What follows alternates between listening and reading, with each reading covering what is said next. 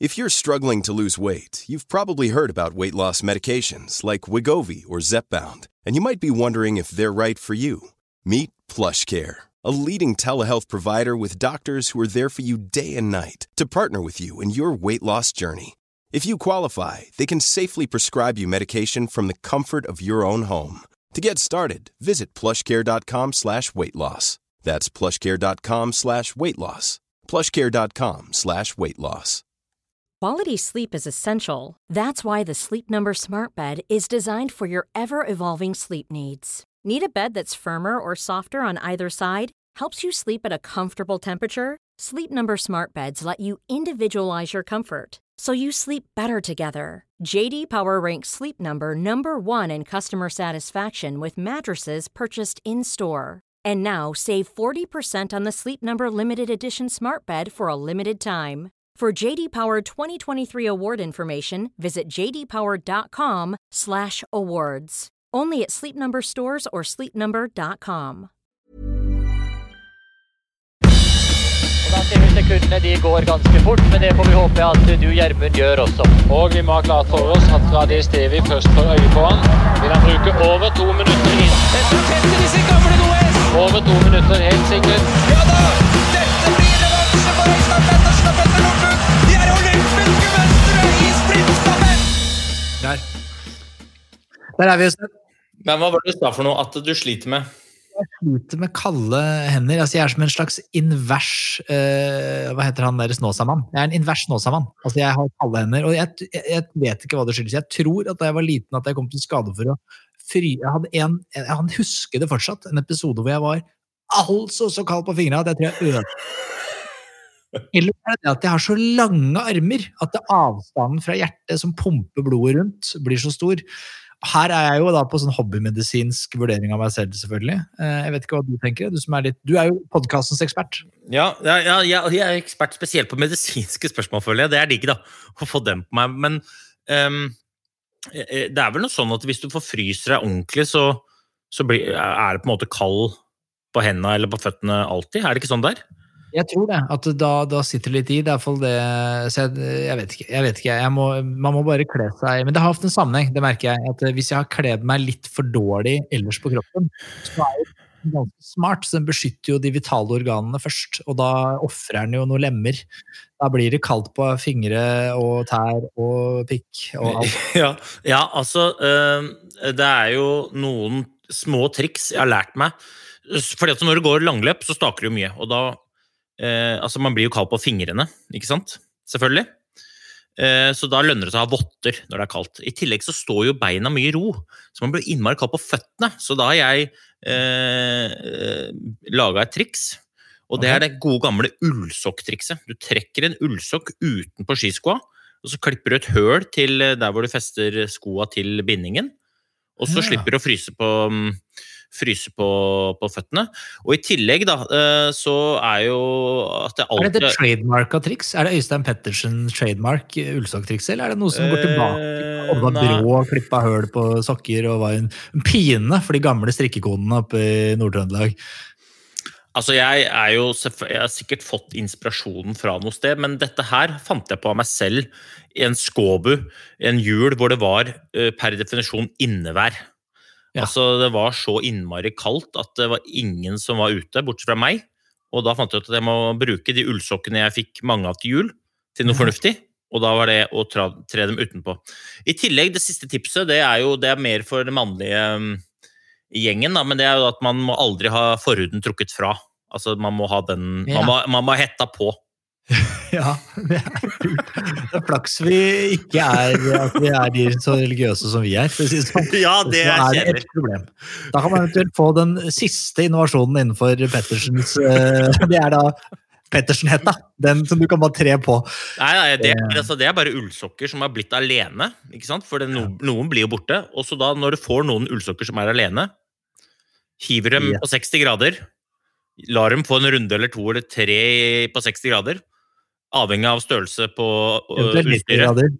Ja, det kommer an på utstyret. 90 grader for deg sikkert, 60 på meg. Og så er det bare å bruke det, da. Men, men øh, for alle andre så tenker jeg at øh, la religion Ikke la religion stå i veien for komfort. tenker jeg. Nei. Nei, det tenker jeg er en god leveregel. Nei, men Det er stas å ha episode igjen, Øystein. Det er, Vi sitter og nyter kaffe. vi. Jeg har på, jeg har på den Gran Milano jeg, fra Kaffebryggeriet. Den Gran Milano, Dritgod.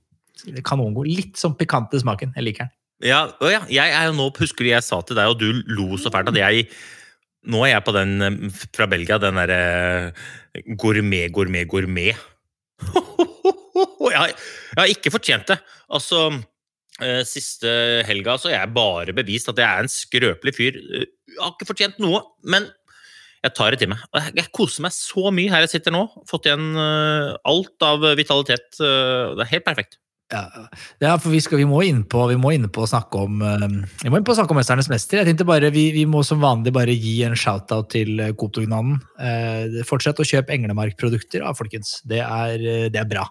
Eh, og så er det siste sjanse, eh, for i neste episode så tenkte jeg at da skal vi trekke en heldig vinner som har rata podkasten, eller to heldige vinnere, som da vinner smøremaske fra Skydda. Så hvis man ikke har rata podkasten ennå, og man har lyst til å gjøre det, da, så vil jeg si at det er bedre å gjøre det nå enn å vente to uker. Fordi nå har du muligheten til å, til å få smørmaske. En elitesmørmaske og en litt enklere en. Og så bør dere, hvis dere trenger noe annet da, som sikkerhetsutstyr, så gå og sjekke ut hva Skydda har på skydda.no. Men Øystein, vi må snakke om elefanten i rommet. Det var jo slik at hele Norge benka seg foran TV-skjermen. Det var første nyttårsdag, eh, og Mesternes mester hadde premiere. Vi så fram til et kjempecast. altså For et cast de hadde i år! altså det er, det er liksom, eller De har i år. Det er jo masse masse bra idrettsstjerner. Og ikke minst selveste eh, Skipoddens egne utsendte Øystein Pølsa Pettersen var med. Og jeg hadde skyhøye forhåpninger. Ja. ja. Hva sier du? Er du skuffa? Er jeg fortsatt med i poden, eller er jeg ute? Ah, Jeg vet ikke, jeg har ikke jeg, Johan Olav Koss har ikke svart meg ennå. Linda Medalen har ikke svart. så Vi får se. Hvis, nei, nei, nei, Øystein, jeg syns du gjorde en Og det må jeg si, altså. Jeg har ikke sett på Mesternes mester på en del, eh, på en del år. Og de er gode på å lage TV. Altså det er, det er, og jeg må innrømme at når du, eh, Det er alltid et dårlig tegn. Sant? Når du har, i, når du er den der, sånn der, hva heter det, når du klipper tilbake og mimrer Ja. eh, om karrieren i første episode. Så han, jeg tenkte sånn, Magnus Midtbø, for han var, kom jo først på ham, vet du. Tenkte jeg, det, han ligger dårlig an. Det, det er han som ryker. Og så var det jo slik at du ville det annerledes. Eh, Det var ikke noen nattest som skulle til. Men, men jeg må bare si det, det var et utrolig fint eh, både eh, av deg, da, du var åpen og, og turte å by litt på deg selv, og det gjør du jo stort sett, men litt sånn sårbar eh, side. Og, og, jeg jeg ble ja, det var veldig, veldig fint, og de er gode å klippe musikk, og det er nesten man sitter og feller en tåre selv. Så det er bra, altså. De er gode på det. Um, Ja, Det er jo hyggelig å høre. Det er hyggelig å høre at én, de er gode, og to, at du likte portrettet. da. Det er jo hyggelig. Hvis jeg skal få lov til å pirke på noe som jeg syns at de kunne tatt med som jeg sa, men som ikke kom med, så var det det at jeg trakk fram fattern. Og det er veldig bra, for fattern har vært viktig for meg, men det har også mutter'n og søstera mi, og ikke minst kona mi. Ikke sant? Så uh, Fattern fikk jo veldig mye heder og ære der han ligger i, eh, på Ammerud i slåbroken sin og koser seg. Eh, men eh, det var flere der som også kunne blitt løfta fram. Men utover det så, så har jeg fått veldig mange hyggelige tilbakemeldinger på portrettintervjuet. Ikke så mange hyggelige tilbakemeldinger på innsatsen generelt. jo, men det var ikke innsatsen som sto på, for jeg, tenkte på det. Fordi, for de av dere som da ikke eventuelt har fått sett det ennå, så anbefaler jeg dere å gå inn og se. Men, men eh, først er det jo sånn hengeøvelse. Eh, Man skal henge. Eh, og det er Mm. ikke overraskende, men han klatreren eh, Magnus Midtbø eh, dominerer jo, ikke sant? Og, men jeg syns jo du, du er sånn midt på treet der. Er du ikke det? Jo, altså, jeg eh, er, er vel ikke spesielt god til å henge, og så var det utrolig glatt stang. Det må være ærlig å si at jeg eh, bare Jeg gleia, liksom. Det var ikke det at jeg var så innmari sliten, men det var så glatt at jeg til slutt så klarte jeg ikke å Jeg bare sklei av, og det sa jo han Magnus også. Han, han mente jo selv at han kunne klare 15 minutter. Ja. Men han klarte jo ja, ja, Jeg kan jo ikke si at han klarte bare rett over fire, men han klarte jo bare rett over fire. Så jeg tror eh, at den stanga kanskje var eh, litt i glatteste laget i forhold til hva som har vært. Eh, for han er, jo, han er jo vant til å henge mye, så han var veldig skuffa selv. Han har hei før, det tror jeg vi kan si uh, trygt. Og, og, men han, det jeg tenkte også på at det er en fordel å være lett der, og han virker jo som en fyr som eh, Hvis han er i veien, så er han ganske lett å flytte på. Det, det tenker jeg. Ja, samtidig som han er innmari kjapp, så du får ikke tak i den. For det, altså, Fy søren så kjapp han var! Altså, det, må jeg, det var jeg imponert over i den uh, øvelse nummer to der. Så tenkte jeg liksom at det blir jeg og Aksel eller Håvard som løper fortest fram og tilbake der. Ja. Men altså, Magnus var jo var en sånn derre um, klatremus på sida der. Bare Om han var. Fordi i den neste øvelsen, det er jo her det går galt. Og da, da jeg, jeg innrømmer at jeg tenkte at Øystein kommer til å smadre de andre fram til det skal pusles. Eh, på selve puslinga, da, da, da var det lavere odds på gamle legen Koss. Litt mer sånn litt mer, eh, sånn, Han er jo en enormt eh, imponerende utdannelse. Men, men hvor tidlig var det du skada deg der? For det er helt riktig, han Magnus fløy jo eh, ordentlig som en sånn eh, mygg fram og tilbake der. Du var sånn passe, men sånn jeg forsto det, så du skada deg jo underveis. Hvor tidlig var det du skada deg? Nei, altså det var en sånn puslegreie. ikke sant? Og så, øh, jeg var, var med på 71 grader nord i fjor, og der var jeg innmari dårlig på puslespill. Så vi fikk jo vite før start at det, det ligger en fasit. Eh, Så når du har tatt alle syv brikkene, så kan du velge å gå tilbake og se på fasiten. Det kan du gjøre når du vil. Ja. Og Så da tenkte jeg at dette blir jo ikke avgjort på løpinga. Så, og alle må sannsynligvis tilbake inn og kikke på fasiten, så jeg går tilbake til fasiten med en eneste gang, tenkte jeg. Ja, det så jeg. Men så gikk jo startskuddet, og da røyk jeg leggen med en gang. Bare sånn, jeg kjente bare, Det var som om noen satte en kniv inn i leggen på meg. så tenkte jeg bare, åh, Men så er det jo da er det jo sånn at vi har jo noe som heter adrenalin, som gjør at på en måte, det er ikke så vondt. Men, men adrenalin har en litt sånn avtagende effekt. Men, og, så for hver gang jeg gikk fram og tilbake, så bare sånn, fy søren, nå, det- nå er det sånn nå kom. Så når jeg la brikke nummer syv, så tenkte jeg jeg, jeg jeg orker ikke, jeg klarer ikke å gå tilbake til fasiten, for da kommer jeg ikke til brettet. Så da begynner jeg å pusle, og så, så ser jeg Men jeg er jo amøbe på pusling, jeg må se på fasiten. Ja. Ok, bare ro deg ned nå to sekunder, så går du tilbake igjen, og så hinker du deg fram på et eller annet vis. Og da så gikk jeg tilbake, eh, så på fasiten, og det var så vidt jeg kom fram. Jeg dro i det bordet, så det bordet holdt på å velte. Og så fikk jeg pusla det puslespillet, og da kjente jeg at ja, men jeg er jo ferdig. Ja. Jeg, altså, det var så, og jeg mener helt alvorlig, det er, det er lenge siden jeg gråti fordi at jeg har vondt. Ja. Men jeg, altså, jeg grein, for det var altså så vondt. Det var da en lege som skulle Først så skulle kikke på det. Og jeg sa bare sånn Det går ikke å røre beinet. Jeg hadde på meg tights.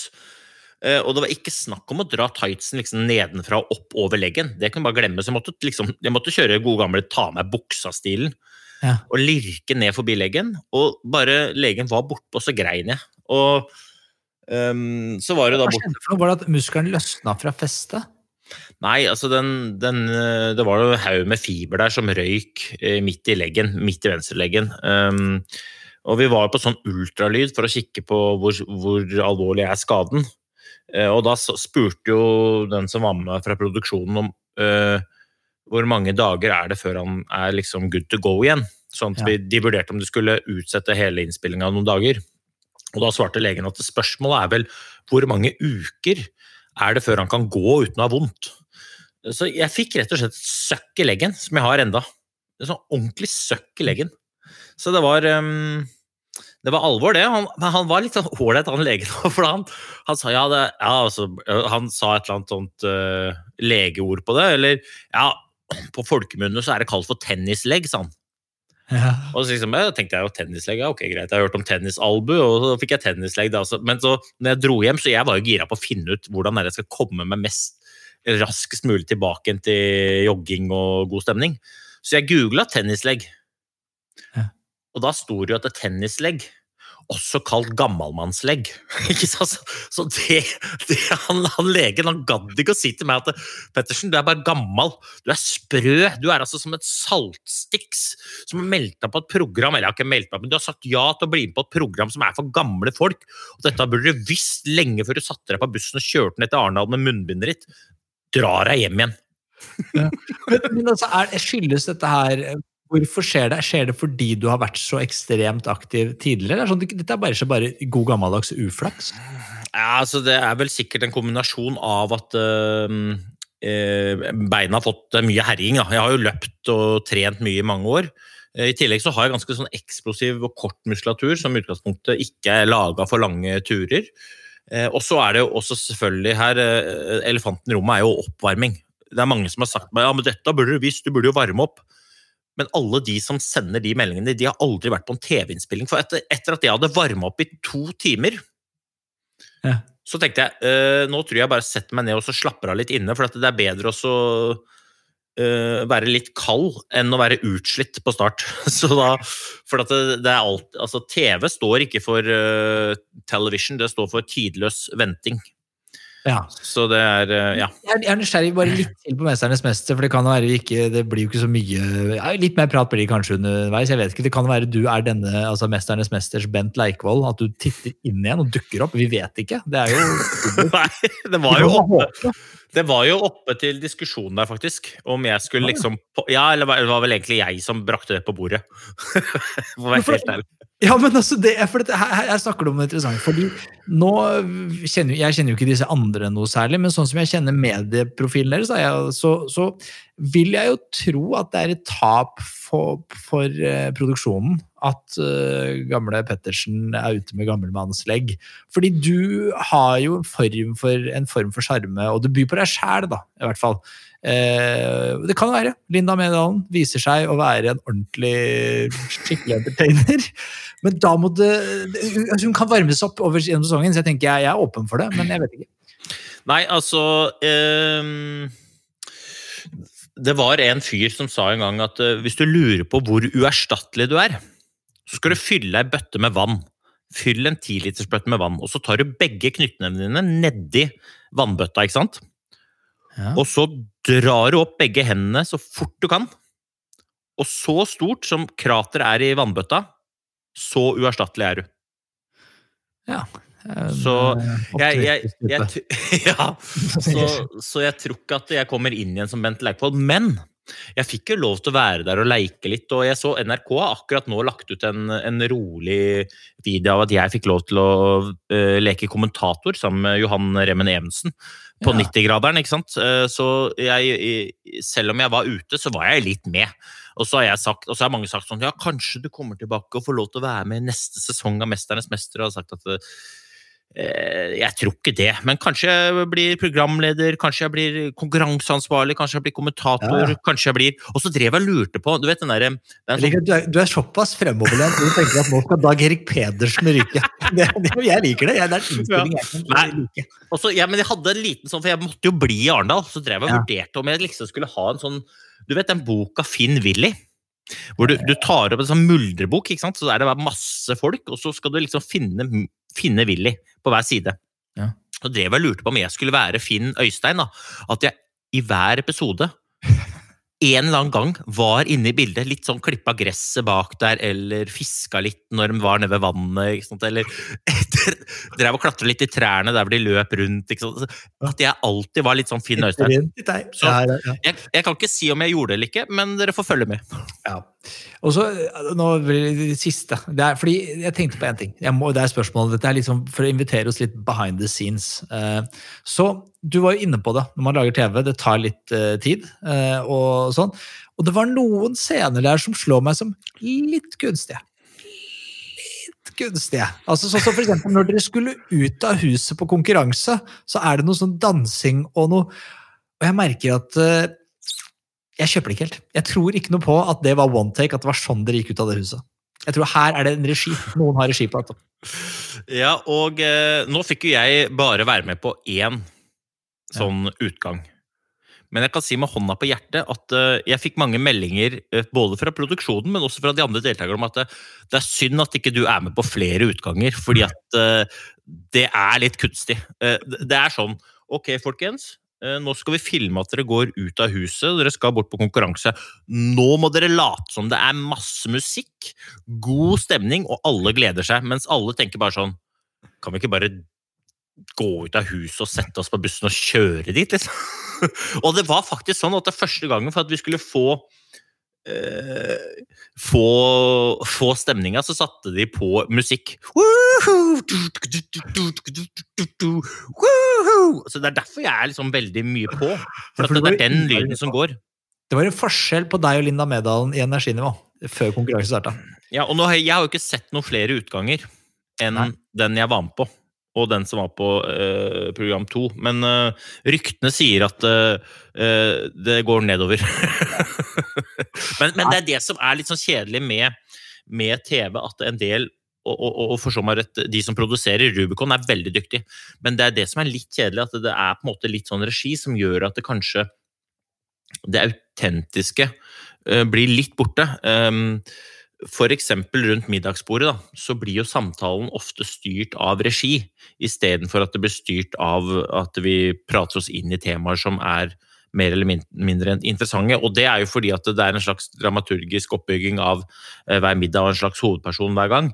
Eh, men personlig så hadde jeg jo satt enda mer pris på de samtalene uten regi, og at de bare hadde vært flue på veggen. og og go with the flow. Men, um, men dette er Det er bedre, tror jeg. Altså fordi, fordi det, er, det, er, Jeg sitter og tenker Er det at Synnøve, er Synnøve Solheimdal så klein, eller er det det at hun har blitt satt opp i en situasjon hvor hun er dømt til å fremstå klein fordi hun har ikke drevet med skuespill hele livet sitt? Og jeg tror det er det siste. Jeg tror ikke hun bare grunnleggende prinsipielt er klein, men det høres jo ikke ekte ut når hun stiller sånn. Det ser ut som det er femte gangen hun stiller det spørsmålet, og, og, da er det bra! Hvis det er tilfellet, da er hun god. Da er hun ganske god, faktisk. Ja, ja og det, det, er nok noen ganger sånn at det er mange ganger stille spørsmål om igjen om igjen. Men, um, men, men Synnøve er ikke klein. Hun er flott, hun, altså, og det er alle sammen. Men det er ikke så lett. ikke sant? Du sitter her, og så Og det kan nok være fordelen med at jeg ryker ut. da. Jeg har jo sagt at jeg er uh, langrennssportens Christine Koht. Litt mye. På godt og vondt. Ja. Uh, men når jeg da detter ut av, uh, av bordet Eh, så er det jo ni andre som får mer spillerom til å skinne. Eh, og jeg vet jo, for jeg traff jo deltakerne etter hvert som de røyk ut, én etter én. Altså, det er innmari mange interessante folk der inne. De har altså så ekstremt mye å by på. Eh, så jeg håper jo Jeg vet jo ikke, for jeg var jo ikke der, men jeg håper at de får vist hvem de er på en enda mer naturlig måte enn hvis jeg hadde vært der. For jeg er som sagt mye. Ja, Men du, du flytta inn på et hotell, da, så du måtte ut av huset, eller? Nei, det er jo å ljuge. Eller først så flytta jeg inn på hotell, og så Altså, dette er jo hemmelig, ikke sant? Så jeg ja, okay. fikk lov til å reise hjem et par dager. Ja. Men da måtte, være, da måtte, jeg være, usynlig. Per definisjon usynlig. Så jeg fikk lov til å si til uh, Ellen og ungen at nå kommer jeg hjem, men dere får ikke lov til å si at jeg er hjemme. Så det var jo en helg, så da, da, var jeg her, og det var hemmelig. Og så fikk søstera mi Nei, søstera mi, herregud. Dattera mi, Oda, hun fikk besøk av Ane på åtte år. Ane er super jente, men det førte jo til at jeg, pappa, Øystein, måtte ned i kjelleren og sitte stille i kjelleren mens Ane var på besøk. Og Ane var på besøk!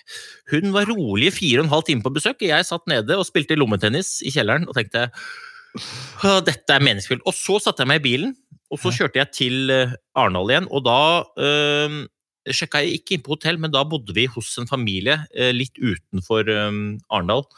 Eh, fantastisk eh, flott familie på et fantastisk eh, stort og flott en, en gammel gård.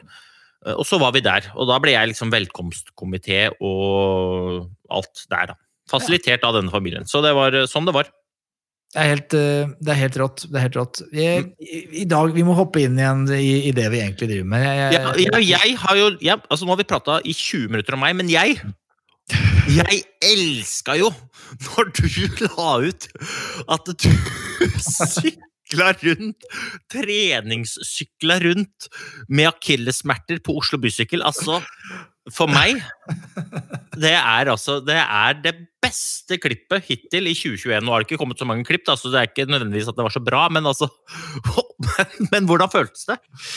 Nei, altså, det er jo til eventuelt nye lyttere, vi har jo Skipoddens 3000 meter challenge. Eh, og det innebærer jo at vi da skal løpe 3000 meter nå, så snart vi kan. Eh, og så finne, ta tida, og så løpe den i siste uka i april og slå oss selv. Det, det, og jeg er blitt ekstremt motivert av det. Jeg snakker jo ofte med deg, du er en inspirerende fyr, og du er liksom og jeg, jeg, vil ut, jeg vil løpe. og Jeg har da fått fullstendig overtenning.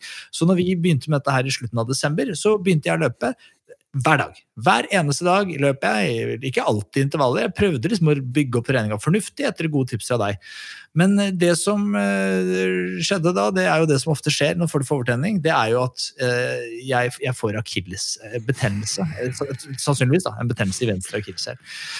Og det gjør at jeg ikke kan trene. og Da, eller, da er jo visstnok oppskriften, ifølge fagpersoner som vi har kommet med råd, at man må bare hvile. Kan ikke bruke akillesen, finn alternative treningsmetoder.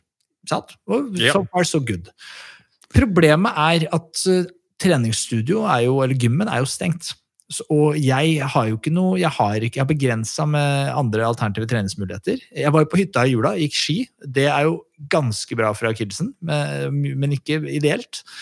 Men så ser jeg overalt at eh, det å eh, sykle, eller ro, det er liksom det, Spesielt sykle, dritbra. Eh, Jeg har ikke sykkel. Jeg har ikke ergometersykkel. noe sånt. Og tenkte jeg, men jeg har et sånn abonnement på Oslo Bysykkel, for jeg liker å sykle om sommeren rundt i byen. Det er veldig effektivt, og kan jeg sette så slipper jeg ha noe. i Og så tenkte jeg sånn, hm, det er lov å sykle en time på en sånn tur. tenkte jeg heller at Hvis jeg nå bare tar, og, og tar en sånn sykkel, sykler det jeg er mann for oppover mot eh, Nordmarka, eh, og så, og så bytter jeg sykkel, og så ned igjen på ny. Så jeg gjorde det. Det er, altså, og jeg må si det sånn at det, det krever jo at du ikke har skam. Du må legge av bare ta, skammen min. Bare ta Oslo kommune. Her har du all. Rubb og stubb. Ta den. Jeg trenger den ikke lenger. Eh, og så er det litt frekt, men jeg veit ikke om jeg skal gjøre det igjen. For det var, de, de syklene er jo ikke bygget for meg. Det må jeg si. En Oslo bysykkel er ikke laget for folk på 194 cm. De er ikke det. Så, så jeg tror på en måte løsningen for meg blir eh, å, å skaffe meg jeg må, jeg må bare jobbe litt med det. Jeg må finne et, et bedre alternativ treningsmetode også. Men jeg, jeg, takk for at jeg får på forsøket. Det, det syns jeg jo at eh, Altså, du får for alt. Altså, jeg, eh, jeg er bare så synd at ingen filma deg idet du satte deg på den blå-hvite kjerra med reklame for Aftenposten på sida. Kanskje er det sånn ladedings eller sånn låsgreie foran, og det er bare, du bare gønner av gårde. Men, men det jeg lurer på, er jo eh, Det er jo no, det er masse jeg lurer på, men jeg lurer mest på eh, hvordan vil du si sittestillingen var? Valgte du liksom, Kan man justere høyde og sånn, eller velger du ut ifra størrelse? Det er det spørsmål én. Eh, Spørsmål to, eh, hva slags eh, trykk hadde du dekka, og hvor vil du si liksom at At, at Kunne du velge noe, var det noen varianter der? Um, Og tre, hva sa Eller hva, hva, hva sa kroppsspråket og blikkene til de folka som, som du sykla sammen med, eventuelt forbi, eller som passerte deg når du gønna rundt i den nye lilla, nydelige Bjørn Dæhlie-dressen din og bare kjørte på. Altså, eh, Nummer én der eh, Oslo Bysykkel er ganske i, stor grad what you see is what you get. Altså, du, det, er, det er få tilvalgsmuligheter. Eh, Du får den sykkelen du får, og det er et slags lotteri fra helvete. For det er ganske høy varians på de her syklene, ikke sant? så du kan jo få de nye, ganske ålreite, eller så kan du få den gamle første generasjon som er ordentlig kjerre. Og jeg tenkte det er litt av moroa. ikke? Eh, Alle sykler er nå på piggdekk, så det gjør det ganske trygt. da, vi er jo, HMS er jo viktig. Eh, Men men, eh, men eh, det eneste du kan justere, er høyde opp og ned på setet. Så jeg satte jo det så høyt det makter, og det varierer litt fra sykkel til sykkel hvor høyt du kan gå. Eh, men til det med blikk, eh, så er det jo sånn at eh, bysyklene er jo bare i en viss sone. Så er det sånne stasjoner. Så med en gang folk ser en bysykkel langt utenfor denne radiusen med siste stasjon, så vet folk at denne sykkelen hører ikke hjemme her. Så denne fyren er nå ca. en halvtime unna eh, det, altså, den forrige bysykkelstasjonen. Og da får du noen blikk. Folk er liksom ikke oppe i Holmenkollen, er ikke vant til å se bysykler. Det er bare, hva foregår? De, det, hva- det, de har enten A stjålet en bysykkel, eh, eller B han er på treningstur. Eh, Jeg håper jo de, de trodde det siste. Jeg, jeg vet ikke hvem, og det er nesten så du håper at de tenker at de har stjålet den. At det er bedre. For, for, for skammens skyld. Jeg vet Å, så jeg ser for meg at Folk tenkte sikkert at det var en desperat fyr. Bussen hadde slutta å gå. Han hadde brukt all, kredittkortet altfor hardt i julerushet, så han bare måtte, måtte komme seg opp og skulle trene sammen med kompiser i den nye dressen sin, og han bare tok sykkelen og gønna på. Men var, var treningseffekten god, eller var det, hva syns du? Eh, det, jeg tror at det er en grunn til at ikke flere trener med, med bysykkel. Altså. Jeg, jeg tror altså det, det, Jeg ble jo sliten. Altså for, for all del. Jeg ble sliten, for ut, den er tungsykla. Det kan jeg si med en gang. Det er null gratis. Det er ingenting gratis. Den går altfor fort. og Det, er sånn, altså, det aller verste er når, folk, når andre folk sykler forbi deg. altså kommer, Og ikke noe vondt mot uh, gamle tanter. Jeg er veldig glad i gamle tanter, jeg. Men når de kommer syklende ganske sånn effortless forbi deg i bakken, og jeg sliter på stål og puster og peser, da tenker du at uh, du har vært fetere før, og du blir forhåpentligvis fetere i fremtiden. Fordi Men- Men tror du at du er, den, er du den første som har trent på en bysykkel, tror du? Eh, Eller altså sånn, alle, alle som sykler har jo trent på den, men, men på en måte tror jeg det første som har hatt som intensjon at nå skal jeg stikke og trene meg en tur. liksom. Jeg mistenker at jeg er blant de første. Jeg er en foregangsmann, det tror jeg. Det er på en måte ja. Ok, nei, men altså Til dere andre da, som da nå trenger Jeg håper dere lar dere inspirere. Det er jo litt derfor vi gjør, vi gjør det. Vi gjør det fordi, jeg gjør det fordi jeg er utrolig inspirert. Jeg, og det mener jeg helt ærlig. Jeg, jeg, det her er jo fremprovosert at jeg har sittet to-tre dager gjemt i leiligheten min her på Grønland og bare tenkt at nå klikker det for meg snart, hvis ikke jeg får kommet meg ut, få litt frisk luft og fått gjort noe. Eh, og da tenkte jeg det beste jeg har for hånda nå, det er den jævla bysykkelen. Og så ble det treningstur. Og det, var, det, gjorde jo godt for kroppen da, og for sjela og for humøret, så, så, jeg angrer ikke. Selv om jeg ikke nødvendigvis vil gjøre det med det første igjen. Men jeg håper de som ikke har meldt seg på, de kan gå på www.skipodden.com, og så kan de melde seg på Skipoddens 3000 meter challenge. Så håper jeg dere som har føtter i behold, dere kan jo løpe, men det her viser jo at man må jo ikke løpe løpe for å få god treningseffekt. Man kan trene til en 3000 meter med litt Og det er nok også lurt å variere treningen, det har jeg erfart. da. Det å løpe hver dag, gå fra null løping til 100% løping, ikke smart. Så, så, lærdommen som jeg har gjort, er at, at man må, må, variere litt. Eh, det er, det er lurt. Eh, og så må vi jo si at hvis man har lyst til å vinne eh, løpesko fra Hoka, så deler vi ut hver måned. Første deler vi ut nå i midten av januar. og man, For å kunne vinne de løpeskoene fra Hoka, så må man da melde seg på, og så må man legge ut på Instagram. Det er mange som begynner å gjøre det nå. Det er jo merker litt at det, går, det, er flere som har meldt seg på enn som er aktive på Instagram og deler at uh, tagger skipodden på at de trener. For det er liksom folk føler litt på det. Men vi må legge av oss det, folkens. Altså, vi er ikke redde, vi Øystein. Vi sykler på bysykler og, og, og deler. Så uh, det, det, er være, det, er umulig å gjøre noe pinligere enn det. Så, så gjør det, ja. For det, det bidrar til å da, da skape litt engasjement og støtte hverandre. Og det er det som er litt greia. Vi skal inspirere hverandre. Ja, jeg er enig. Og så syns jeg jo det er nydelig at du byr sånn på. da, At du liksom legger lista så lavt at det er liksom Det er, det er greit altså, Hos oss er det helt greit å bare sykle rundt i, på bysykkel. Det spiller ikke noen rolle. Vi tar det vi får, og vi er stolte. Vi er så trygge på egen seksualitet at vi kan sykle rundt hver dag på en bysykkel. Altså, jeg, Gi meg en bysykkel, skal jeg brenne rundt i Lillehammer her i tights. Det er jo et uttrykk som heter at uh, if you're going to be weird Be confident about it. Der, det, er, det er ditt Det skal stå på gravsteinen din, Hanso. Håper det blir, du håper ikke jeg stryker med en bysykkelulykke med det første, i hvert fall. men, men kanskje, vi skal ha, uh, kanskje vi skal ha ved siden av gravsteinen din så kanskje det skal stå en sånn liten bysykkel som du kan leie eller låne? eller det skal være by, jeg skal gravlegges på bysykkelstasjonen. Det er målet mitt på Grønland i år. Hva er denne stolpa her? Det er en fyr som brant på treningsturer på bysykkel. La han være en evig inspirasjon. Ja, det er fint. Så det er sånn, sånn er det. Polar er også med, så man kan vinne helt rå pulslokker. Så det er ingenting å vente på. Gå inn på www.skipodden.com, meld dere på Skipoddens 3000 meter challenge. Men i dag Øystein, så har vi Du har eh, fått tak i en, en venn av deg som eh, er, kjempeaktuell. En superkul fyr som jeg ikke har møtt ennå. Jeg gleder meg veldig til å møte eh, dagens gjest, Andrew Musgrave. Eller Mussy, som du kaller han. Mussy, Mussy han er jo he, altså det er jo en legende. Og det har jeg tenkt på faktisk, altså Vi er altfor dårlige til å introdusere gjestene våre. Vi, vi, tar for gitt at folk som lytter på, vet hvem gjestene er. Men, uh, så vi kan jo kanskje la de få introdusere seg selv. Uh, men Mussy er jo superaktuell fordi at han uh, er deltaker i Tour de Ski nå.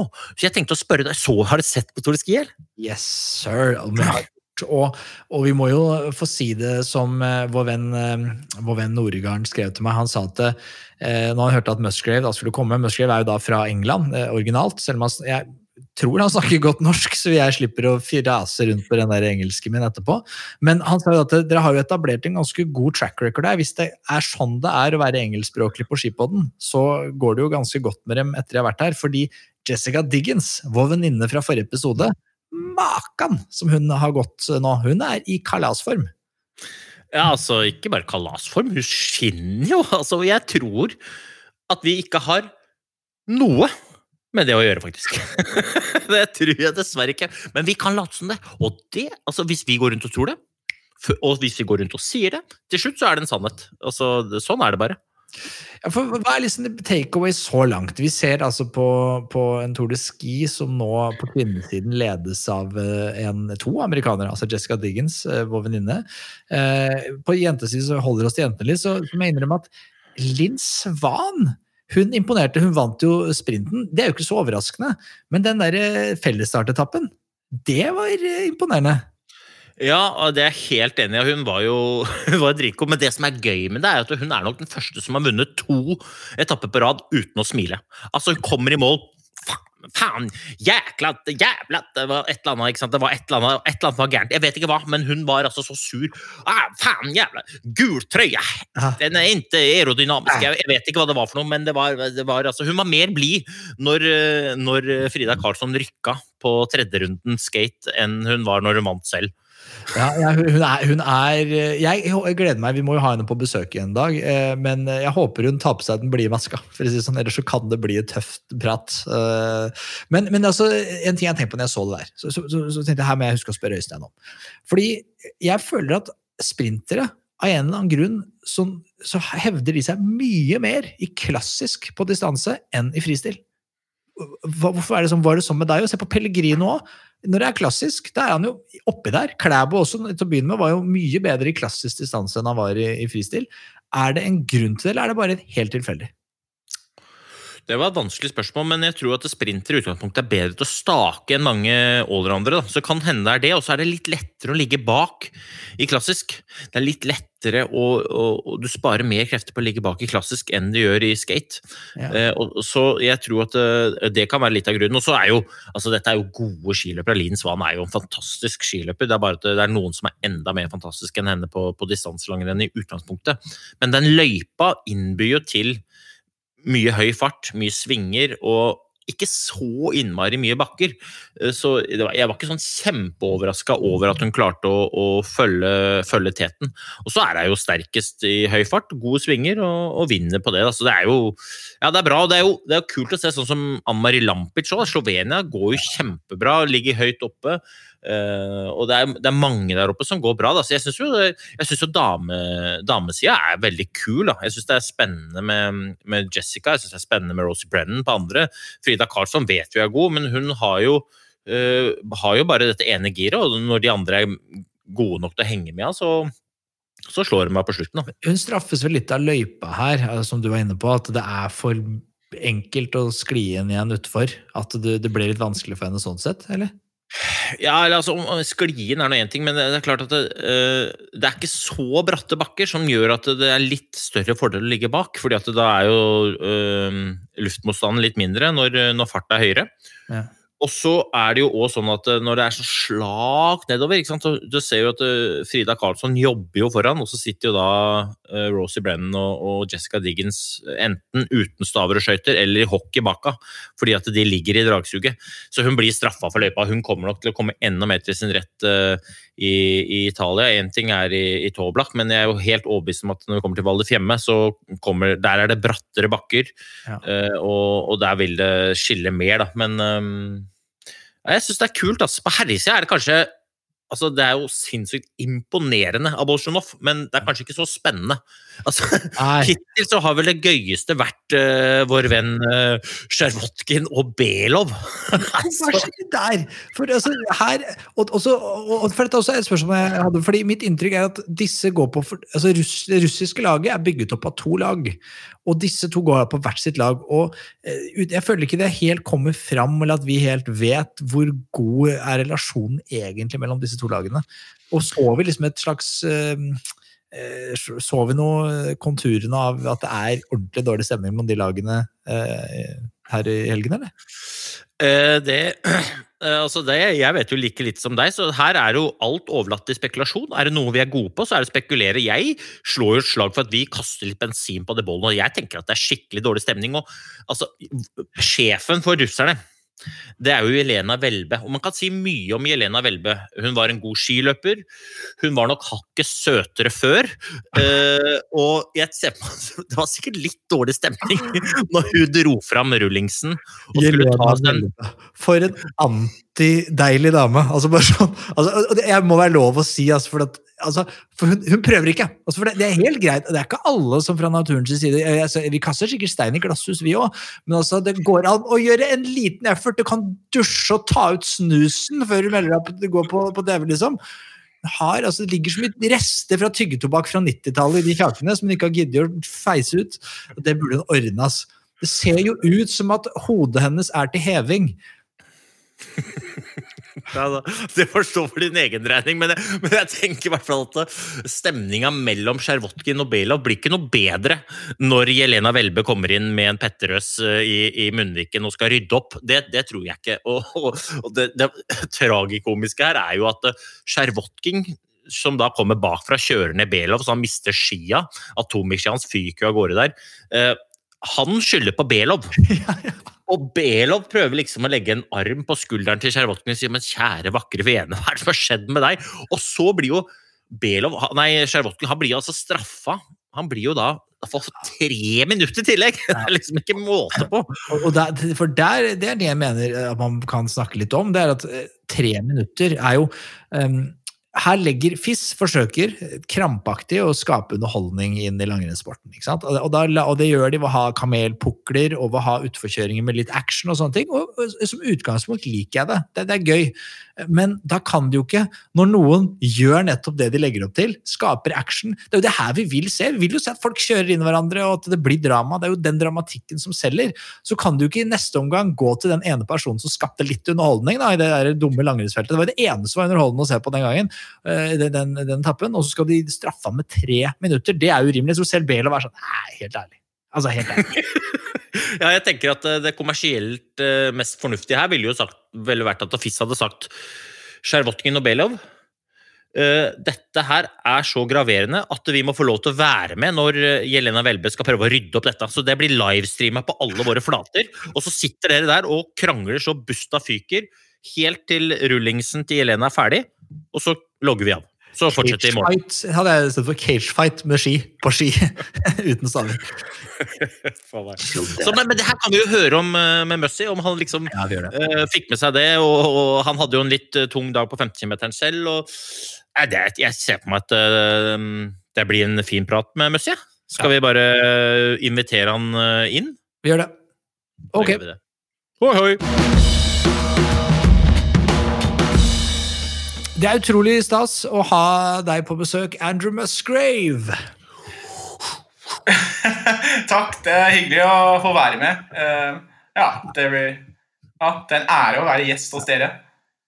Ja, Det er hyggelig. Det er, det er så stas, fordi du ringer da inn direkte. Uh, dette er jo mandagen uh, etter åpningshelgen i Tour de Ski, hvor vi spiller inn dette. Så du er nå på hotellrom. Altså, Hvor er du nå? Er dere reist fra Valmors der, eller er dere fortsatt der?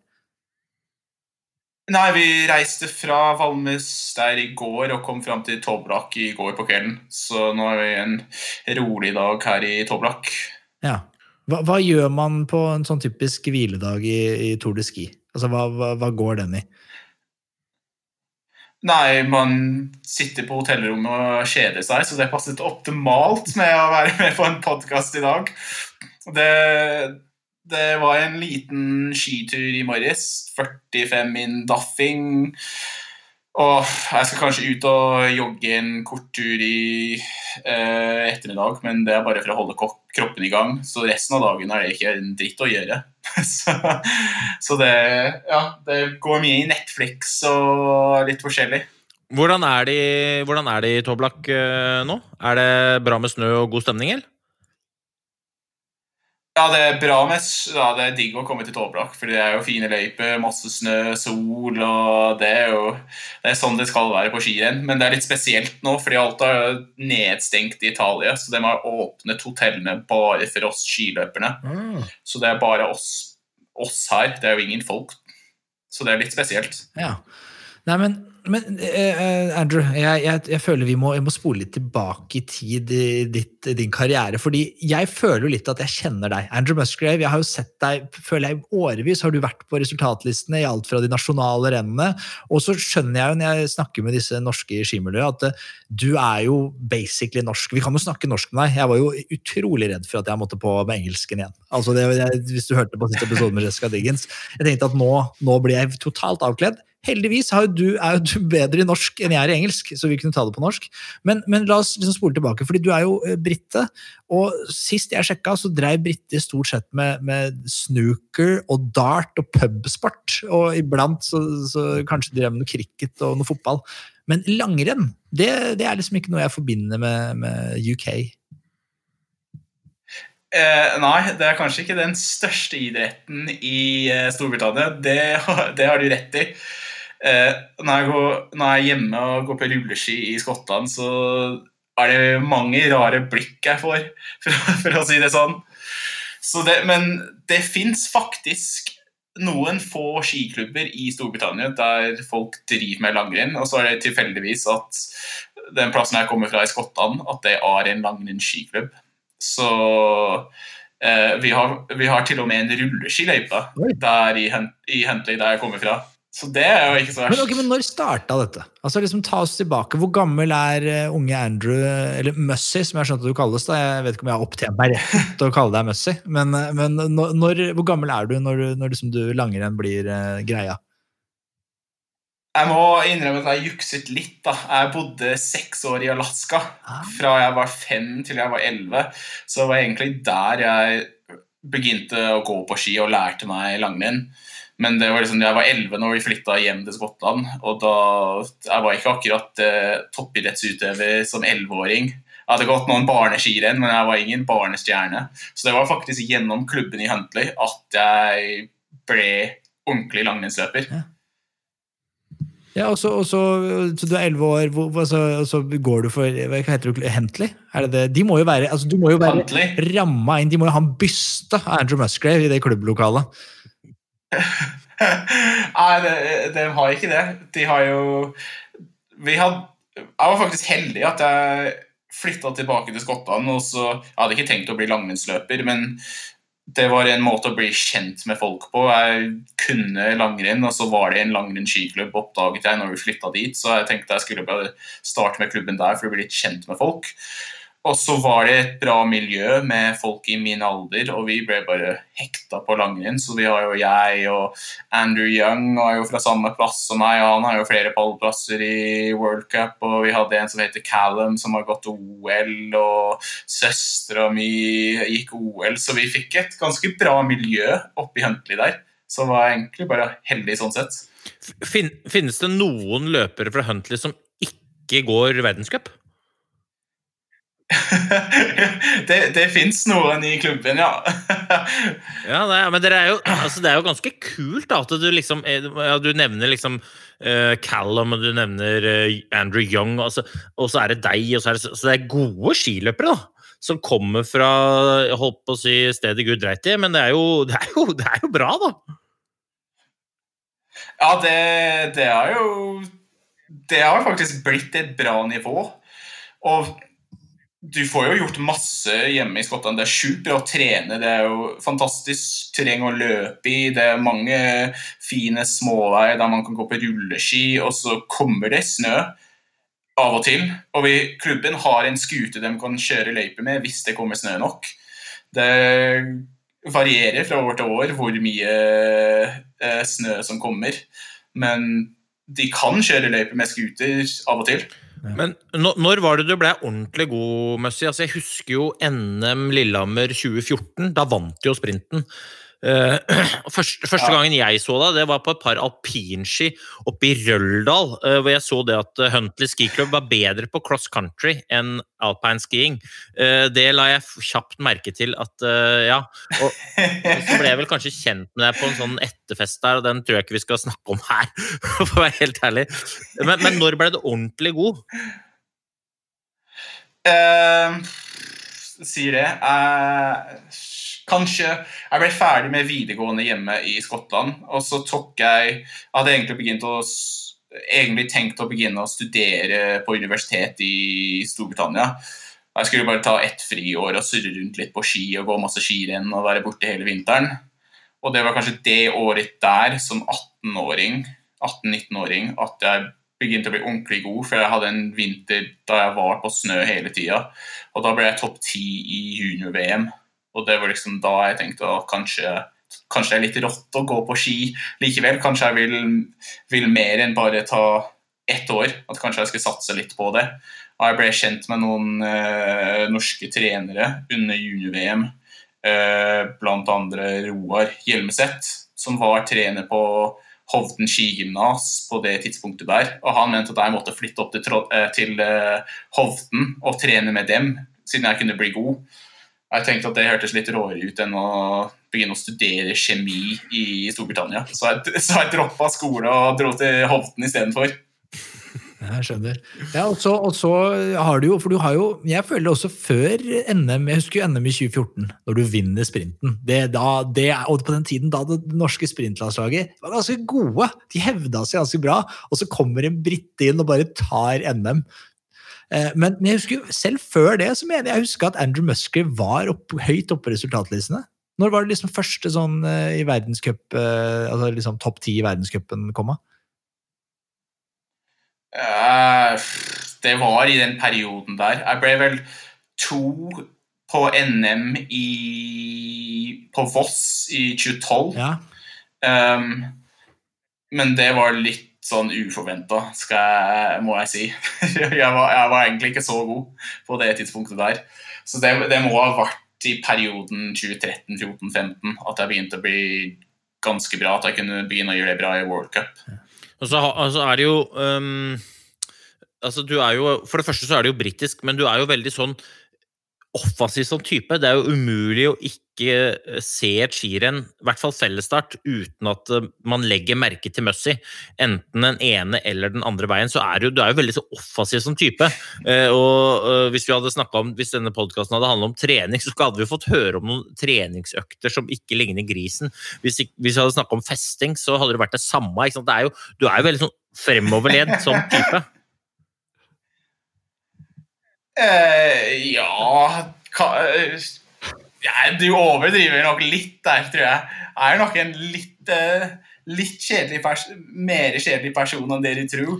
Nei, altså, forstå, Men, forstå, forstå eh, meg rett. Jeg, jeg vet jo veldig godt at den jobben du gjør, den er jo dønn seriøs. Jeg kjenner meg veldig godt igjen i det at liksom, folk tror at det er bare fest og moro. Og, og, men eh, for som idrettsutøveren Andrew Musgrave skjønner jeg veldig godt legger ned mye hardt arbeid, men når du er der ute, så har du en litt mer offensiv innstilling, og det er litt mer show rundt deg enn det er rundt Linn Svan. Vi må bare kalle en spade for en spade. ja, det er kanskje bare fordi at jeg fordi at jeg ikke har vokst opp med og gått masse skirenn, så er jeg bare helt elendig til å gå i felt. Så jeg skjønner ikke hvordan jeg skal gå skirenn, så jeg driter meg ut ganske mange ganger. Det er kanskje det du tenker på. Men, men eh, du, du kom hjem fra Du kom hjem fra Valmorskjær, eller du kom ikke hjem, men du reiste videre fra Valmorskjær i går. Jeg så deg jo på, på 50-meteren i går, jaktstarten. Og du la ut et rolig bilde på Ja. Instagram der òg. Åssen var det? Nei, det var helt krise. Jeg tenkte ah, jeg skulle være gjest her, og så skal jeg bare få skryte av meg sjøl at jeg kom til å vinne Tour de Ski, og alt var så bra. Altså, Istedenfor så gikk det rett i dass i går. Det, det, det var rett og slett kriserenn. Det, jeg vet ikke hva som skjedde. Jeg bare Jeg hadde fantastisk utgangspunkt på jaktstarten. Jeg gikk ut i lag med Magnifica, som gikk seg opp til pallen, så jeg kunne bare hengt på ham. Men jeg prøvde å henge på ham, og det gikk sjukt bra i ca. 150 meter. Og da, etter det, gikk det ikke så bra. Og da var det bare krig til mål. Det var bare, jeg prøvde å henge på alle som tok meg igjen, men det var Jeg så ganske mange som gikk rett forbi, for å si det sånn. Men, men tror du uh, altså Det er jo høyde og sånn. Tror du at uh, For du starta jo noen sekunder bak Magnifica. Uh, og det er jo sånn i i jaktstarter at måte alle som starter, skal ta igjen én foran. Så tror du at du starta for hardt, rett og slett? Altså, hvis du hadde hatt liksom ti sekunder roligere åpning første kilometeren, at det hadde vært endra spillet? Nei, jeg var kjørt uansett. Jeg tror, jeg tror det var løpet dagen før at jeg ikke, hadde bare, jeg ikke fikk henta meg inn ordentlig etter det. Når du bor oppe i høyden der du går inn i høyden, så jeg tror det koster ganske mye. Så jeg kjente på oppvarming at jeg var ganske så kake. Um, men det er noen ganger at man føler seg litt sliten på oppvarming, og så går det bra likevel. Så er jeg dum, så jeg hadde trua likevel når jeg sto på startstrek. Ja. Men uh, det gikk ikke like bra som jeg hadde håpa. Jeg har hørt, jeg, jeg vet ikke om det er stemme, men det kan du bekrefte, men jeg har hørt at du skal ha sagt en gang at de gangene du føler deg skikkelig dårlig, så åpner du alt du kan, for du veit at du kommer til å bli skikkelig sliten, så da er det bedre å komme så langt som mulig før du blir skikkelig sliten, enn å bli, bare gå sakte hele veien. Er, stemmer det? Ja, det, det var en gang jeg gikk U23-VM. Jeg tror jeg var første år, eller første senior og skulle gå U23 for første gang. Og da, på oppvarming på 15 km der, så kjente jeg at i dag hadde jeg en dårlig dag. Så da var det bare én ting som jeg kunne gjøre, og det var gå alt jeg kunne fra start. Og da tenkte jeg hvis jeg fikk positive sekunderinger, så ble jeg gira, og da kom det til å gå så bra. Det gikk egentlig overraskende bra. Jeg tror jeg ble seks til slutt. Um, det var en, en, som jeg var på lag med i Norge, uh, på Team Hoften, som heter Thomas Vestbø, som skulle gå U23 òg. Og han ble fire til slutt. Slo meg med kanskje 40 sekk eller noe. Men jeg leder på ham med 17 sekunder etter 1,1 km. Ja. Men uh, Andrew, det er, jo, det er jo ikke over. Tour de Ski er ikke over, selv om, eh, selv om du nå Nå har jeg bare sjekka nå lista. Du ligger altså Sammenlagt nå så ligger du på 20.-plass, tre minutter bak.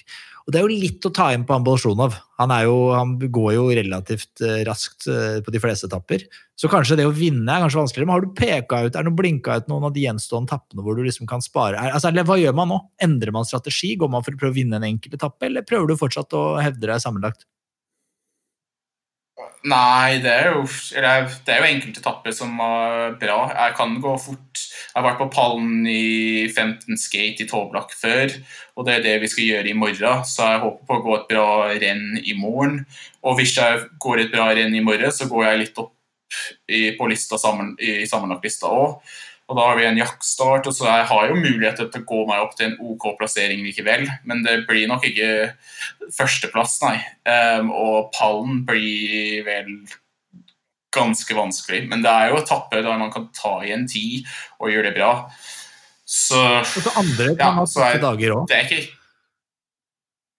Hm? Andre kan jo ha tøffe dager òg. Altså, det skal jo ikke mer til enn at man ja, ja, ja. Ta, gå på en smell. da. Så gå sprint. Ja, ja. Ja, absolutt. Klassisk sprint skal vi gå. Det, det, jeg tror ikke jeg skal ta inn så mange sekunder der. jeg pleier å ha mål når vi går prolog i klassisk sprint. Eh, og målet er at jeg ikke skal bli slått av jentene om vi går samme løypa. Og det, det er 50-50 om jeg klarer det. men, men, apropos klassisk eh, Når jeg så fellesstarten fra helga, så så jeg Oskar Svensson staka. Og så tenkte jeg det burde Møss gjort også, men jeg så du langa ut i din skotske um, diagonal, du. Hvorfor uh, Eller ja. vurderte du å stakke, eller? Ja, jeg hadde sjukt lyst til å stake. Jeg var dritusikker før start. Eller jeg var egentlig ikke så usikker. Jeg tenkte at det var best egentlig for meg å stake. Um, og det var egentlig føre da det var sjukt fort til å stake. Og når det er litt nysnø som ligger i sporet og det, det, tar litt av glien med festet. Men så jeg diskuterte litt med trenerne, og for den etappen der så hadde det nok vært best for min del å stake ut. Men jeg har jo ambisjoner om å gjøre det bra til slutt. Um, og hvis du staker og du knekker en stav i bunnen av bakken, og vi har et lite lag og har bare to som kan stå ute i løypa Hvis jeg knekker en stav i bunnen av bakken, så taper jeg mange minutter på å knekke den ene staven, istedenfor at jeg går kanskje 20 sek raskere til slutt med blanke ski. Så det var, det var vurderingen vi tok der. Men jeg hadde egentlig lyst til å stake. Og jeg tenker jeg syns det var et vanskelig valg òg, for jeg føler at jeg henter meg inn raskere etter å stake enn jeg gjør etter å eh, gå et skaterenn eller gå et klassisk renn med bruk av beina. Så når jeg ser tilbake på det, og jeg var helt kake i går, så angrer jeg litt på at jeg ikke staket. Men jeg følte når vi tok det valget, så var det en fornuftig grunn at jeg valgte å ikke stake. Ja. Det så ut som Oskar Svensson eh, tjente på det. Han, han, han gikk jo et veldig bra løp, til han å være, eh, vil jeg våge å påstå. Så, men eh, sånn er det jo, da. Man må jo, noen ganger så lykkes det. Hadde han, hadde han gått ordentlig dårlig for han, så hadde man jo ikke snakka om han. Så det er jo litt sånn Det var high risk, men, men som du sier, da, når målet ditt er å gjøre det bra sammenlagt, så, så er det kanskje tryggest sånn. Men, men verdenscupen sammenlagt, da? Jeg må jo, altså, du er jo du er skipoddens favoritt. Altså nå, Spesielt i år, da, når jeg ikke er noen målmenn til start, så jeg vil si uavhengig av det, og så er du oppe på favorittlista vår. Men, men eh, de Bolsjunov er, han er vrang. Han er ordentlig vrang, men det skal jo ikke mer til enn at han eh, spiser av samme medisinskap eller sånn covid-bolle som uh, så får han seg er han ute. da. Vi håper ikke på det. Vi håper ikke på det. Det er ikke den måten han vinner på. Men da er vel du i posisjon, sant? Du, ligger ikke du selv nå på den posisjonen du har nå i Tour de Ski, så er du vel nesten pall i sammenlagt i verdenscupen, er du ikke det? Nei, jeg er nok litt bak, ja. Og så etter Tour de Ski så kommer det ganske mange poeng til de som er best i touren. Så hvis jeg går meg opp på lista i touren, så kan det være ganske bra. Um, men uh, jeg må nok gå fort her for å beholde bra plassering sammenlagt. Jeg tror I distansecupen så ligger jeg ganske bra nå. Um, men eh, det skal gås fort på de resterende rennene her, ja. Men det har du tenkt til. Men jeg, jeg lurte på en ting. Eh, det var jo en liten sånn race incident der på det, i det russiske laget. Og du la jo for, for så vidt ut en ganske artig Instagram-melding selv her i forhold til noe krasjing og noen lagkamerater. Og eh, eh, åssen Jeg og Hans har spekulert litt tidligere på hvordan er stemninga i den russiske troppen. Har du fått noe har du fått noe juicy fra Jelena Welbe eller Markus Kramer på, på stemninga lokalt i det russiske laget? eller? Nei, vi- har ikke fått noe mer info enn en det dere har, men vi driver og liksom, Vi skal alltid se hvordan det går med de russiske gutta. fordi det er sånn, Etter løpet så så det ut som det kunne bryte ut slåsskamp. Så vi har litt lyst til at det, litt lyst at det skal brytes ut slåsskamp en dag snart. for det, det er litt, som jeg sier, På en hviledag så er det ikke så veldig mye spennende som skjer. Så det hadde gjort litt spenning i hverdagen hvis det hadde kommet litt slåsskamper og sånt i det russiske laget. For, for, for, hvordan er disse, disse russerne? For vi vet så lite om dem. Det kommer lite ut i media, og de er jo ikke så snakkesalige, de snakker dårlig engelsk og sånn. Men du som liksom føler litt på det i feltet og sånn, hvordan er de som personer? Sjervotkin, er han et ordentlig hothead, eller? Jeg vet ikke, de Vi vet liksom ikke noe mer enn det dere gjør om russerne. For de har liksom et eget lag som holder seg sjøl for seg sjøl, og vi, vi får liksom ikke vite noe om hva som foregår der. Ja. Så det Ja. De smiler aldri. Det eneste jeg har oppdaget. Det er ingen av dem som smiler. Nei, det er ikke, det er ikke lov. Det er sk Men det gjelder vel svenskene òg, gjør det ikke det? ja, de smiler vel. Ja, har du sett Linn Svan smile? Hun er jo den eneste som har vunnet to etapper i Tour de Ski uten å smile. Og, og, og Fri, Frida Karlsson hun smiler, men det er bare fordi hun er sliten. Eller sånn, hun, du tror du smiler, men det er bare at hun gisper etter luft. Så de er bare sure. Alle er sure. Bortsett fra du, Messi. Men, eh, Jeg er ikke svensk, da, Nei. jeg, jeg får lov til å smile. men, men ikke sant, eh, Norge, Norge vi har litt sånn eh, beef med, med Sverige, og, og Russland har vel beef med alle. Men har, har da Storbritannia Har dere en beef med Irland gående? Altså, Det er jo bare én irsk løper i toren. Har dere liksom Kjører dere liksom full uh, beef med Nei, vi, vi gjør nok ikke det. Vi, det er vi uh, De smålagene, vi må holde oss samla, fordi uh, vi, må være de, vi må henge litt sammen og lage god stemning. For det er ingen av de store lagene som gidder å henge med oss. Ja, og Gjelder det selv eh, Nå banker det på døra di. Du kan jo gå og høre hvem det er. Ja, det banker på døra her. Jeg går Dette, er- dette er veldig bra. å er på innsiden av Toblak, hotellrommet til Messi. Ah, her har Vada kommet. Ah, Oi. er I'm doing a, I'm doing a podcast. Ah, take, your, take your time. Okay. Ja, inviter det inn. the guys from Vada say Inviter det inn hvis du vil. You, you can come in. Yeah, okay. Det ja, det er, det er fantastisk. For dette her diskuterte vi jo faktisk sist podkast, Messi. Hvor, hvordan fungerer dette nå? Eh, hvor, hvor, eh, hvor mange mm, hvor, hvor ofte må du oppdatere? Og hvis du hadde vært eh, borte nå, hadde du hatt litt slack på deg til å komme tilbake til hotellet, eller ikke? Uh, en gang til. Jeg ble helt satt ut nå at han kom her. Det er veldig gøy. Dette, altså, det vi lurte på, er um, hvor- Er det fortsatt du må ha én times um, uh, sjekkpunkt per dag? Eh, hver dag? Ja, det, ja. Og hvis du nå hvis du, Så må oppdatere Altså, jeg må oppdatere hvor jeg er hver dag i året, en time om dagen, så at de kan komme og teste meg innen det tidsrommet. Og hvis jeg ikke er der, så får de en sånn prikk, og hvis de får tre prikker, så er det samme som dopingdom. Ja. Er det da en, en app som heter Adams? Det var det du sa sist, Øystein. Ja, det, det er en app, men vi får håpe at WADA er bedre på dopingtesting enn de er på å lage apper, fordi den appen er jo ubrukelig. Ja. Ja, men ok. Men, Fordi, men, for, ja, kjør på. nei, nei, fordi hvis jeg vil endre på hvor jeg er med den appen, så går det ikke. Så det, det, det trigger å bruke PC, men det er litt sånn tungvint òg. Ja. Så ja, det er litt styr egentlig med den eh, appen å oppdatere hvor du var. Det tar litt tid. Og så spørsmål nummer to som du hadde, Øystein, som jeg, jeg lurte på sist. Det er gitt at du, du sier at du er et sted, og så kommer hva da? Banker på døra, og så er du ikke der fordi du er ute på butikken eller sånn. Så ringer de og sier eh, 'where are you at'? Er det da sånn at du har, har du, Hvor lang tid har du på deg til å være der? Er det sånn at du har lov å være ti minutter unna? Er det noe slack, eller er det sånn 'sorry, man, du var ikke her når du sa du skulle være her', så det er prikk? Det er jeg litt usikker på. du spørre kompisen Um, vår, da? Jeg tror Spør. Ja, jeg, jeg tror Jeg skal spørre ham, men jeg tror det at du må være Hvis de kommer på starten av det tidsrommet, og du ikke har der, så har du har kanskje til Hvis jeg har fra seks til sju på morgenen, og jeg ikke har kommet tilbake til klokken sju, så får jeg prikk, men jeg skal kan- Okay. You have to take only lap, but you can finish it if you want. No, no, we're, we're having a discussion about how doping testing works.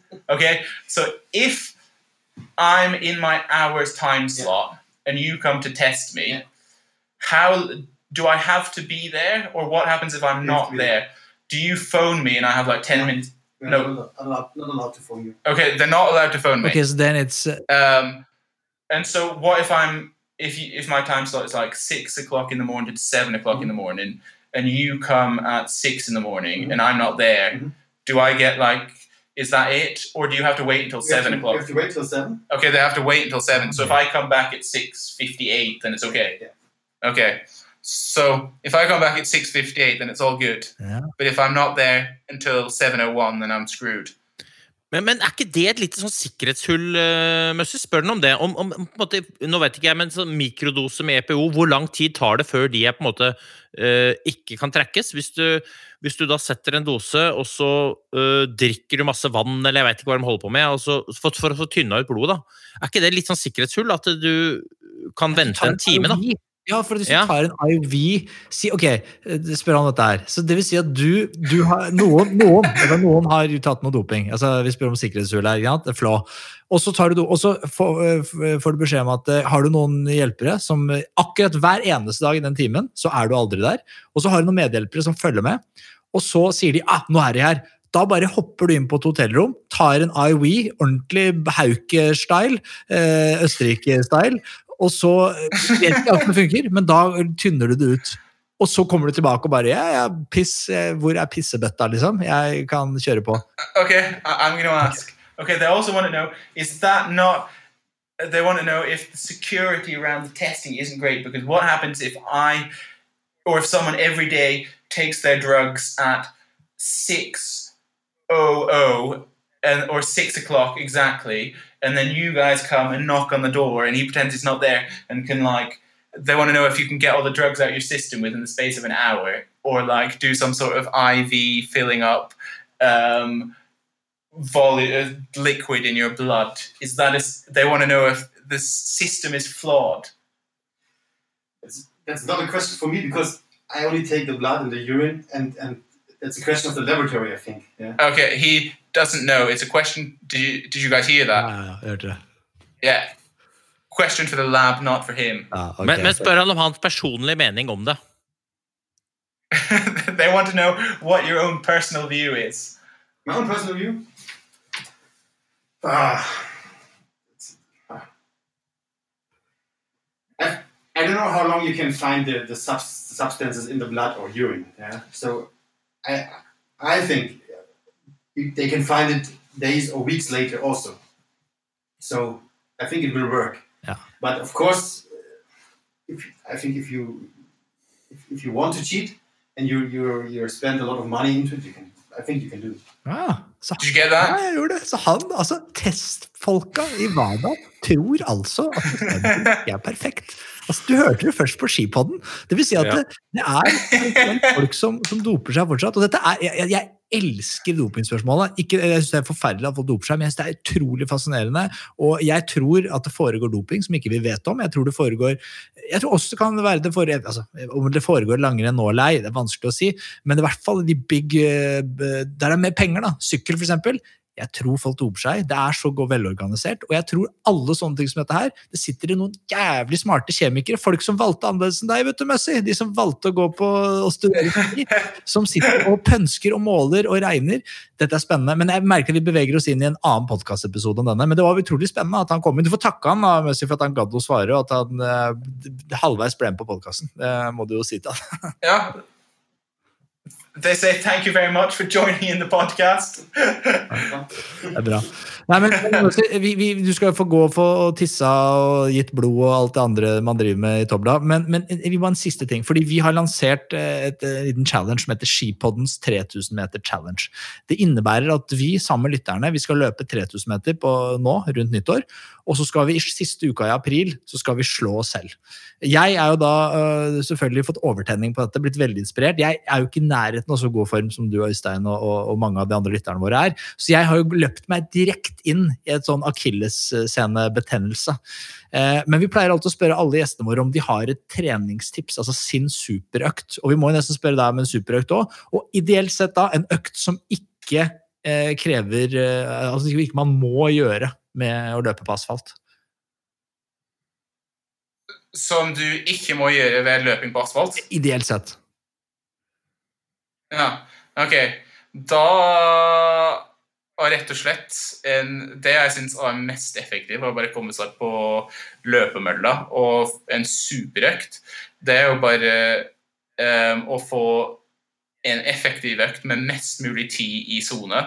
Og da kjører du en progressiv økt der du starter på underterskel uh, og avslutter veldig hardt. Du, og du skal ha kanskje rundt 50 minutter med intervaller. Du starter på kontrollert, så det går ganske greit i starten. Og så øker du per drag. Du kan dele opp litt som du vil. Åtte minutter eller seks minutter eller fem minutter. Det spiller ikke så mye rolle, men ha korte pauser. Og da får du opp pulsen. Pulsen bare stiger og stiger og stiger gjennom økta. Du får mye tid i sone. Du får mye utbytte, og så kan du gjøre det på ganske kort tid. Og det er en effektiv økt.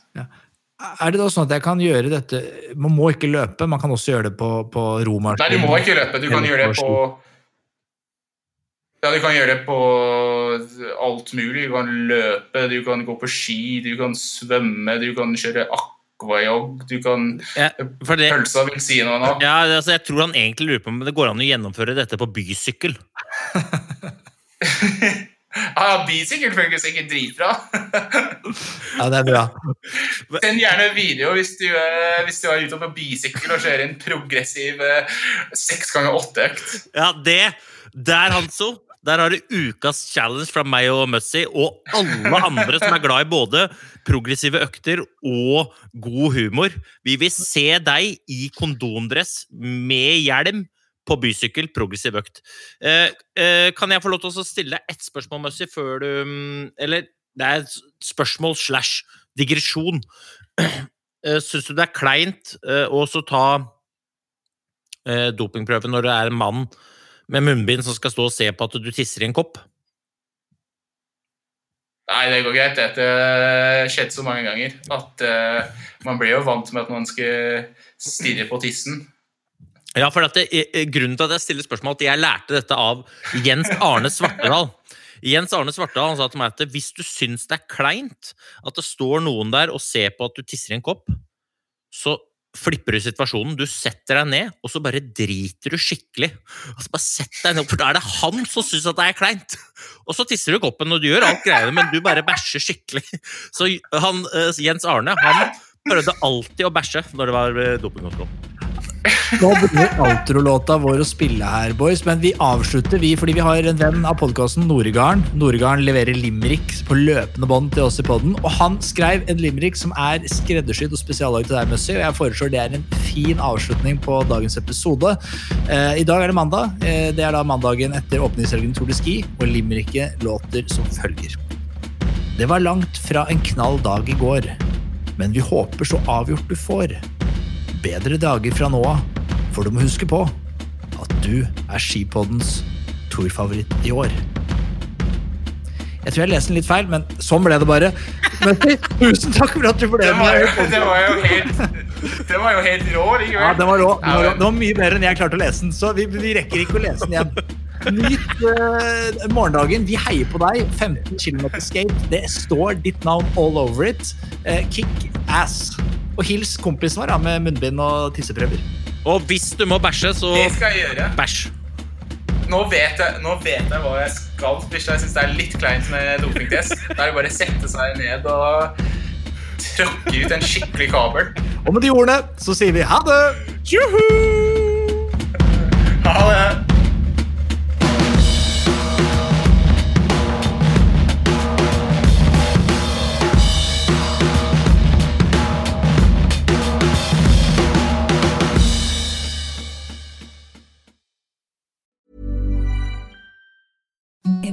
Softest sheets you've ever felt. Now imagine them getting even softer over time. That's what you'll feel with Bowl and Branch's organic cotton sheets. In a recent customer survey, 96% replied that Bowl and Branch sheets get softer with every wash. Start getting your best night's sleep in these sheets that get softer and softer for years to come. Try their sheets with a 30-night guarantee. Plus, get 15% off your first order at bowlandbranch.com. Code BUTTERY. Exclusions apply. See site for details.